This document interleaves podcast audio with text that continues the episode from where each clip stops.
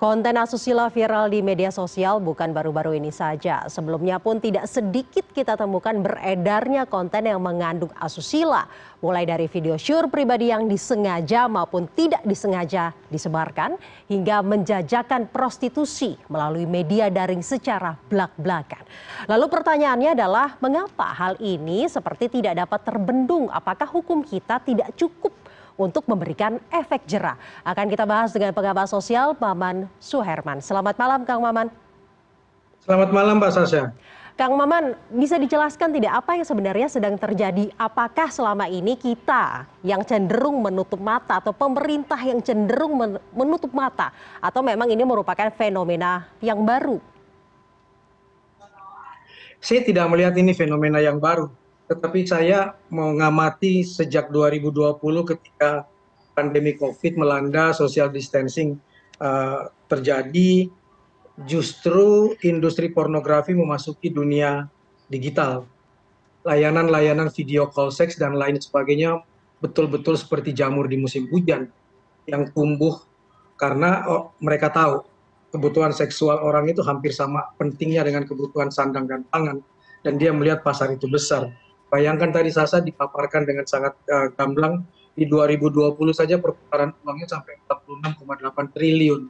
Ketika ekonomi meredup karena karena pandemi Covid, mereka tetap saja naik. Dan ini yang dianggap lahan baru. Persoalannya kemudian kita sudah punya undang-undang uh, tindak penghapusan tindak pemberantasan tindak pidana perdagangan orang sejak 2007 jarang digunakan soal ini dan biasanya kasus kasus seperti ini baru disentuh ketika viral di media sosial. Dan itu kita tidak pernah hampir tidak pernah mendengar hukuman yang maksimal misalnya. Sehingga buat mereka ini hal yang risiko yang tidak terlalu besar dibanding penghasilan yang sedemikian besar.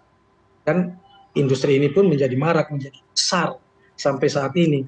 Ketika saya melihat video uh, ubaya merah memang uh, misalnya saya sudah langsung uh, bisa menduga bahwa ini bukan sekedar iseng, bukan untuk konten saja di media pribadi mereka, tapi betul-betul sudah masuk ke dalam industri. Siapkan dengan sengaja, kameranya sangat bagus, ada skrip dan skenario-nya, ini sudah sama dengan ciri-ciri karya-karya industri pornografi yang dipesan khusus oleh industri tersebut. Dan itu sudah marak di Indonesia. Kira-kira itu Mbak Sasa. Itu artinya sudah profesional seperti itu ya, Kang Maman. Dan tadi Kang Maman ya. juga menyatakan bahwa sebenarnya ini sudah banyak dilakukan dari dulu, bukan fenomena baru, namun disentuh jika sudah viral saja. Kenapa Kang Maman? Baru disentuh sesaat justru sudah viral, padahal kan banyak ya berseliweran di media sosial. Itulah permasalahannya itu yang membuat saya juga bingung ini kok tidak disentuh sama sekali. Contoh sederhana aja mbak Sasa. Setelah uh, pemeran kebaya merah ini ditangkap apakah juga uh, video dan linknya tutup? Tidak sama sekali. Bahkan hampir setiap malam uh, di Indonesia di media sosial di Twitter itu yang hashtagnya viral itu adalah hashtag akun-akun yang memanfaatkan link kebaya merah ini untuk mempromosikan layanan seksual mereka jam 8 sampai jam 9 ke bawah mereka mengatakan mau dapatkan video lengkap silahkan uh, klik ke akun kami. Dan ternyata yang mereka tawarkan bukan cuma video itu tetapi pelayanan langsung oleh si pemilik-pemilik akun tersebut. Video call seksual yang muncul di media sosial hari ini itu berkisar antara 300 sampai 750 ribu sekali video call misalnya. Dan tidak ada tuh uh, tindakan terhadap hal tersebut. Masih terus marak padahal setiap malam hashtag SANG titik-titik itu itu viral terus. Berarti salah satu yang menyebabkan industri ini terus uh, membesar, merebak terus uh, konten pornografi ya. dan juga prostitusi online ini karena ketidaktegasan dalam penindakan hukum. Seperti itu Kang Maman. Iya, salah satunya seperti itu. Yang kedua ini terus viral karena memang industrinya sangat besar yang ketiga uh, banyak orang yang terjebak tanpa sadar kemudian tidak bisa lagi keluar dari industri ini. Fenomena honey trap itu juga sudah masuk ke Indonesia dan sudah berulang kali diperingatkan oleh banyak orang termasuk saya ketika uh, berbicara tentang sosialisasi literasi digital bagaimana anak-anak di rumah kita kemudian dihubungi oleh orang yang tidak dikenal, lalu kemudian diberikan gadget, lama-lama kemudian diajak eh, berkontak secara pribadi, lalu kemudian anak tersebut diminta untuk boleh tolong buktikan kamu itu laki atau perempuan masuk ke dalam kamarmu, lalu dia buka bajunya, lalu kemudian direkam, habis itu anak itu dijebak dengan ancaman kalau kamu tidak memenuhi permintaan saya lagi, maka saya akan sebar ini ke sekolah dan ke guru-guru kamu. Saking malunya akhirnya mereka terus melakukan hal tersebut dan itu direkam. Salah satu yang bahaya adalah pedofilia yang per, beberapa waktu lalu diungkap di Yogyakarta dan itu sindikatnya internasional misalnya. Lebih banyak kasusnya juga karena honey trap, anak-anak yang tidak sadar lalu tiba-tiba dijebak untuk video call seks dan kemudian itu direkam dan disebarkan.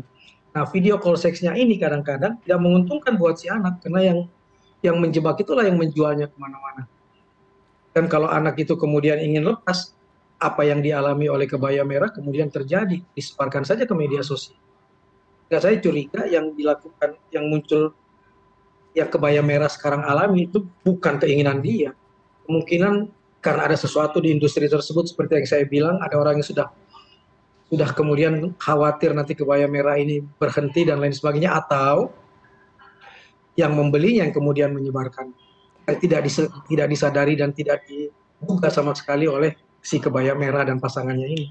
Sesulit itukah Kang Maman untuk uh, aparat untuk menindak hal ini karena kan hal ini dari uh, pornografi, prostitusi, kemudian bisa perdagangan anak dan lain sebagainya. Padahal undang-undang kita banyak sekali yang bisa digunakan untuk menjerat hal-hal seperti ini, Kang Maman. Kenapa begitu kesulitan iya. ya uh, aparat?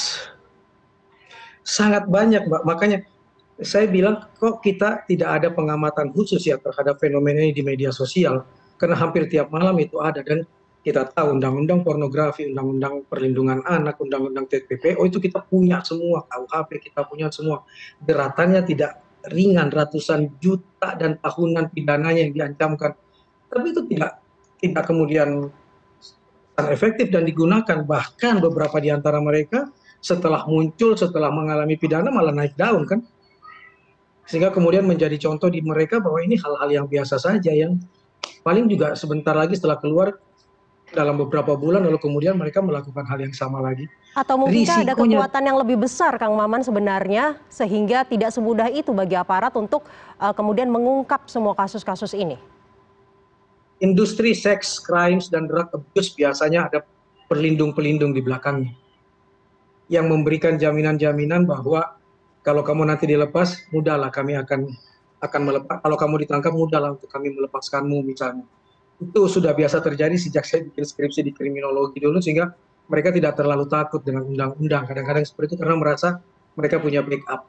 Tapi apakah ini juga terjadi di Indonesia? Itu yang yang saya belum pernah bisa dapat buktinya secara konkret.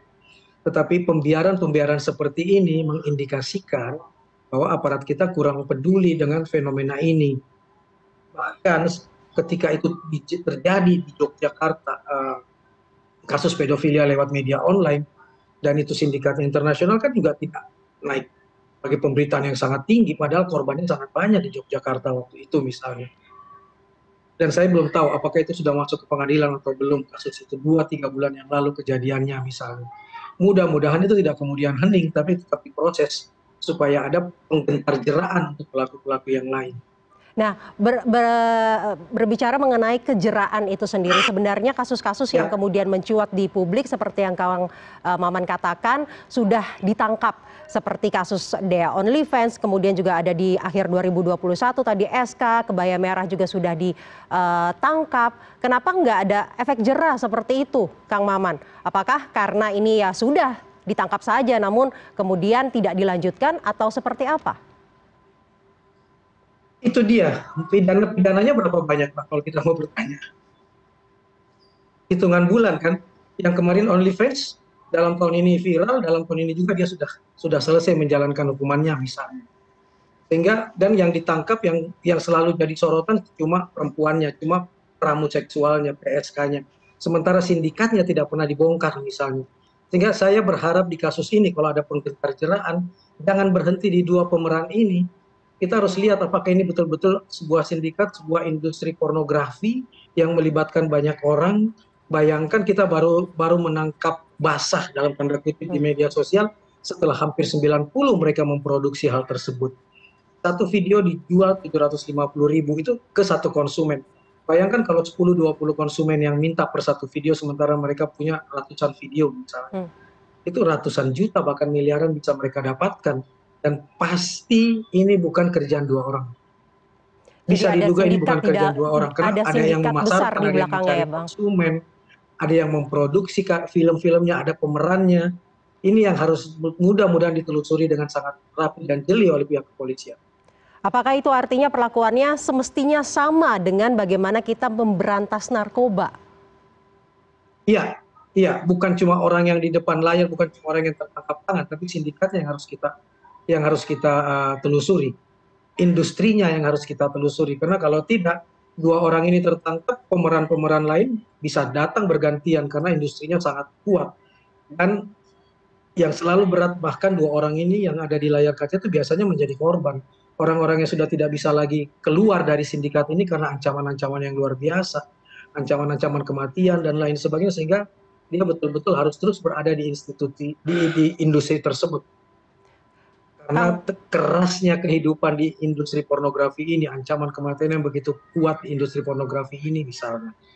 Lalu kemudian juga di sisi lain masyarakat memberikan stigma yang luar biasa buruk kan kepada PSK coba aja tanya ke kantor-kantor, coba tanya ke masyarakat sekitar mau menerima kembali PSK atau mantan PSK, itu dirasakan oleh para PSK sehingga kemudian untuk diterima untuk diterima saja susah sehingga di dalam pun diancam ya sudah mereka terus berada di ruang situ tanpa bisa berbuat apa-apa lagi sehingga menurut saya yang harus dibongkar adalah sindikatnya karena di dalam sindikat itulah undang-undang TPPO bisa dikenakan tindak pidana perdagangan orang yang ada di pasal 2 dari undang-undang tersebut Kang Maman tadi seperti juga sudah disebutkan oleh Kang Maman sebenarnya undang-undangnya sudah banyak yang kemudian ya. mengakomodir untuk menjerat kasus uh, pornografi, perdagangan anak dan turunannya.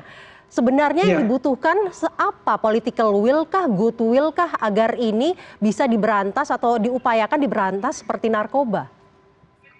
Setuju, kita juga cuma jangan cuma jadi negara yang mampu menghasilkan undang-undang tapi tidak mampu menerapkannya kayak contoh sederhana lah di undang-undang pornografi kan tidak cuma pelaku ini yang bisa dijerat tapi orang-orang yang memproduksi, mengedarkan, mendistribusikannya pun harus dijerat menurut undang-undang tersebut. Di undang-undang TPPO pun para pelaku yang memperdagangkan dan menjerat korban-korban ini juga harus ditangkap. Kalau ini berhenti cuma pada dua orang ini, penggentar jeraannya tidak tinggi.